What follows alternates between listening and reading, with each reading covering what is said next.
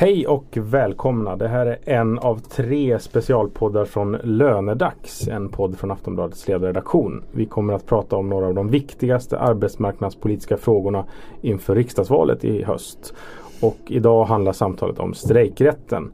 Eh, I panelen idag så har vi precis som vanligt arbetsmarknadsjournalistikens Nestor Tommy Öberg.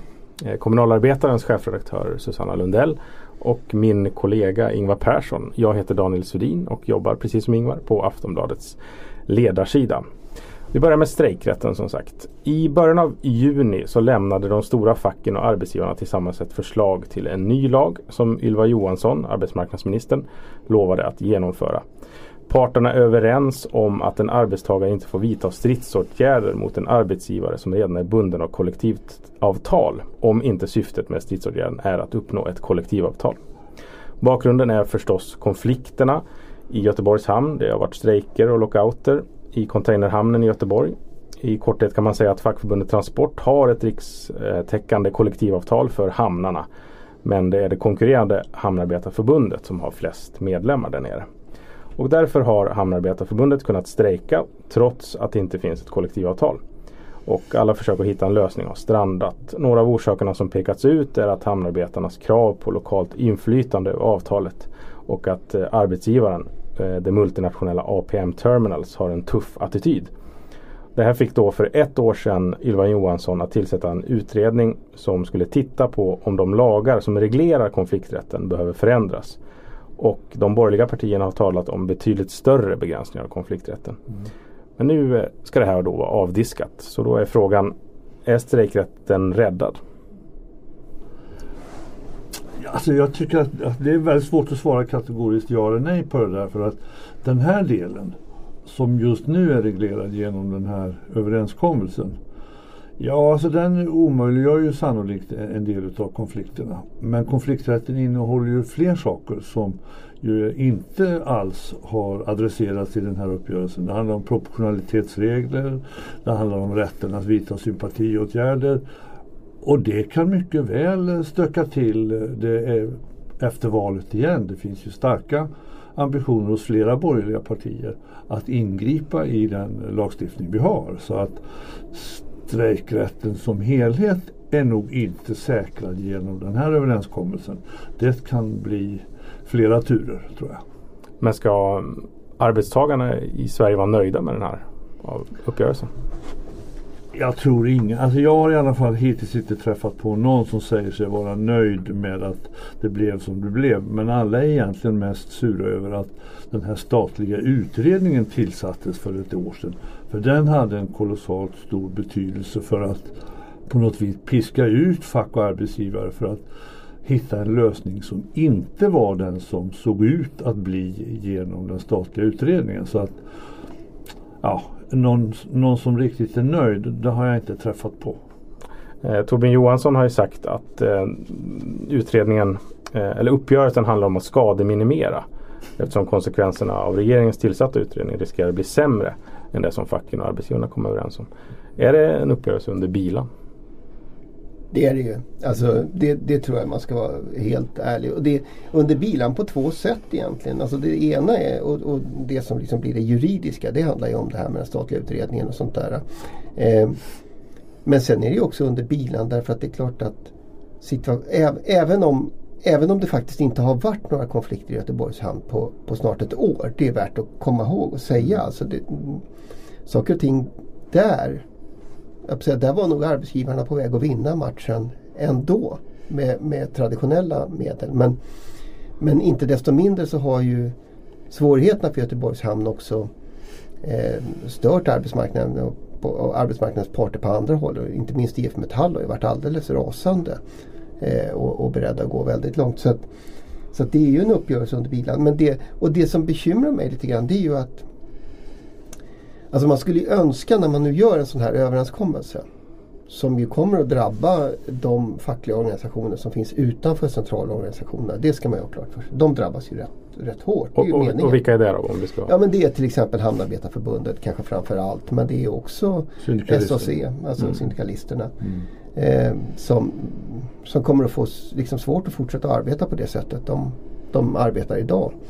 Eh, och det är väl meningen om man ska vara uppriktig. Mm. Eh, så, att, så att det är klart att det, det förändrar, eh, förändrar. Men, men då gör man en uppgörelse. Men precis som Tommy säger så både från de borgerliga partierna och faktiskt också från Svenskt Näringsliv som är med och har gjort den här uppgörelsen.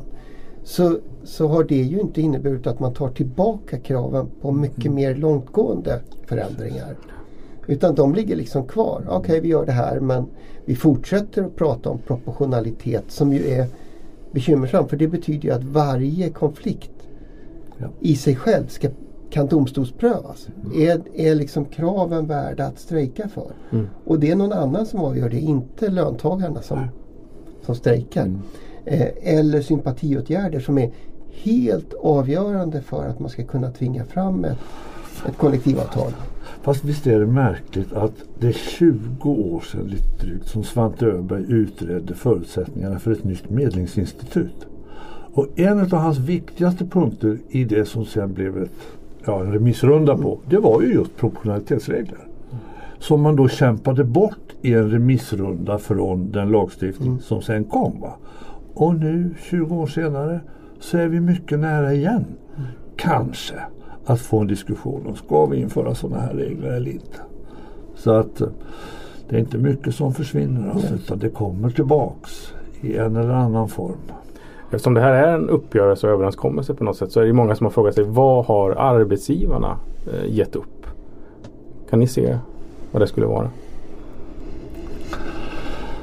Ja, alltså någon, någon enskildhet eh, kan inte jag se att, att de har behövt släppa ifrån sig för att få till den här uppgörelsen? Nej, eh, det har jag svårt att eh, identifiera.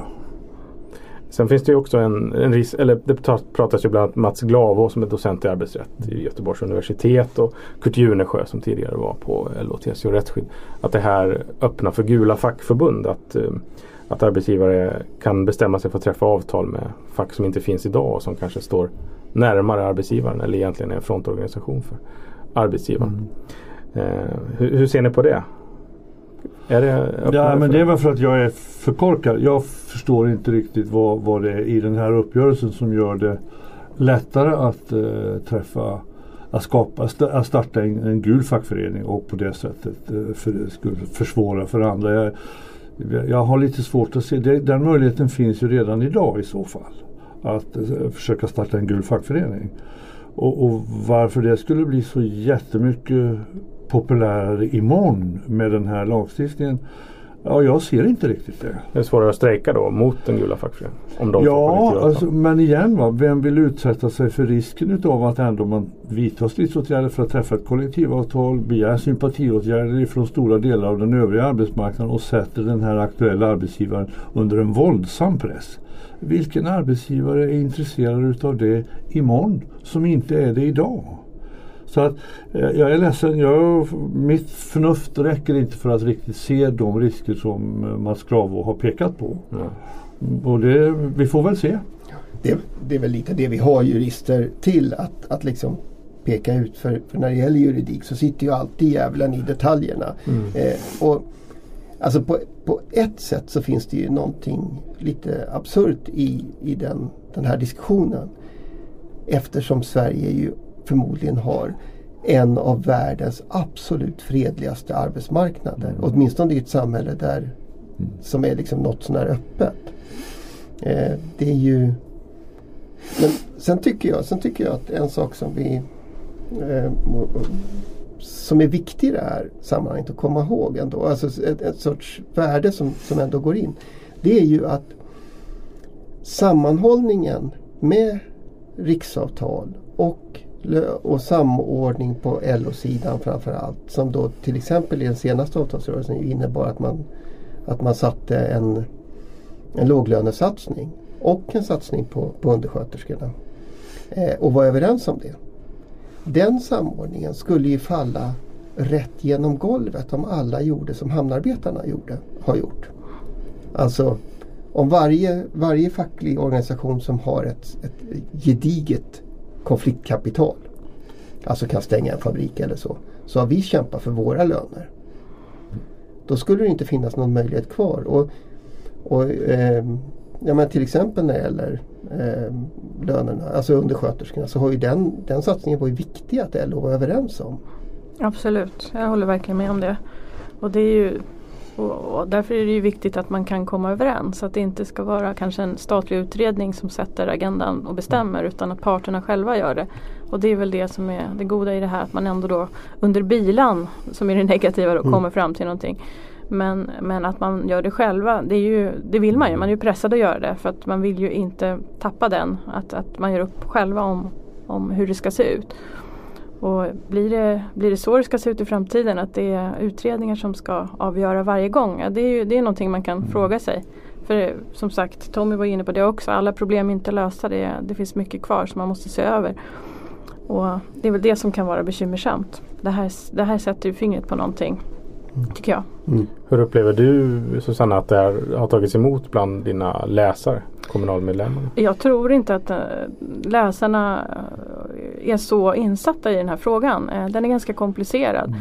Man har nog följt på avstånd det som har hänt i, i Göteborgs hamn och så och, och kanske sett problemen lite grann med det. Men, men jag tror att just den här typen av ja, utredningar som det har varit tal om och nu den här överenskommelsen är någonting som de vanliga kommunalarna inte är så insatta i. Däremot när det gäller, eh, som, som Ingvar lyfter, det här med undersköterskesatsningen och så, det har man ju tyckt har varit positivt att man satsar på en grupp. Och, och, det finns önskemål förstås från Kommunals eh, medlemmar att, att även se andra grupper. Barnskötarna är till exempel en sån stor grupp som också eh, skulle behöva, man skulle behöva titta på. Mm. Så att, eh, nej men jag tror att det här är lite svåra frågor för en vanlige, eh, vanlige Svensson att, att ta till sig. Det är ganska abstrakt, hög abstraktionsnivå helt enkelt. Mm. I det. Men blir det här en valfråga nu då? Konflikträtten, strejkrätten? Ja, det tror jag inte. Det är alldeles för många som ju redan har välsignat eller, eller ställt sig bakom uppgörelsen för att det ska kunna bli någon riktig hetta i en, en uh, diskussion eller debatt under valrörelsen. Jag vet inte riktigt vem som skulle bära fram det. För jag, vet, att, jag vet ett parti som Ja, Vänsterpartiet ja. har ju protesterat mot det. Men jag tror inte att det räcker. Det var med i deras valfilm igår också som kom ska jag säga. Mm. Kritik mot att rör inte strejkrätten. Att det, de hoppas eh, hitta det, sympati kring det. Nej, men det, och det, är ju en, alltså det, det talar ju till en väldigt eh, grundläggande och viktig reflex eh, hos, hos alla som är liksom aktiva i fackföreningsrörelsen. Så det, det förstår jag. Sen, sen tycker jag inte man ska utesluta, alltså det finns ju faktiskt några utav eh, framförallt de borgerliga mittenpartierna, alltså läs Centern och, och Liberalerna som, som ju har den motsatta hållningen. Alltså som hela tiden har fortsatt att driva arbetsgivarnas krav mm. på förbud mot sympatiåtgärder mm. och, och, och, krav på proportionalitet och sådär.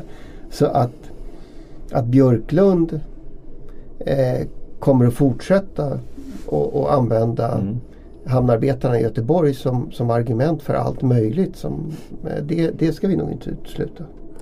Då kanske vi ska avsluta med den viktigaste frågan. Blir det arbetsfred i Göteborg nu? Eller är konflikten slut? Blir det ordning och reda bland containrarna? Det är nog lite som Ingvar säger. Det, det, är redan väldigt mycket ordning och reda. Det har inte varit en konflikt i Göteborgs hamn på, på ett år. Så att eh, och om det här blir, eh, nu går igenom efter den här remissrundan så, så talar väl det mesta för att, att eh, det fortsätter som det är just nu. Jag har svårt att se att, att det skulle liksom bli på något annat sätt. Det är klart att det finns, kommer att finnas kvar en bitterhet som mm. efter varje, alltså faktiskt efter varje arbetsmarknadskonflikt mm. så, så, så blir det ju kvar en bitterhet. Mm. Det, är, det är ju liksom erfarenheten ända sedan 1909. Eh, om, man ska vara, om man ska vara ärlig. Så att eh, det är nog lite tidigt att, att, att, vara säker på att allting kommer att fungera. Men om det då blir i form av en ordnad konflikt eller, eller av spontana protester. Det, det ska låta vara osagt. Mm.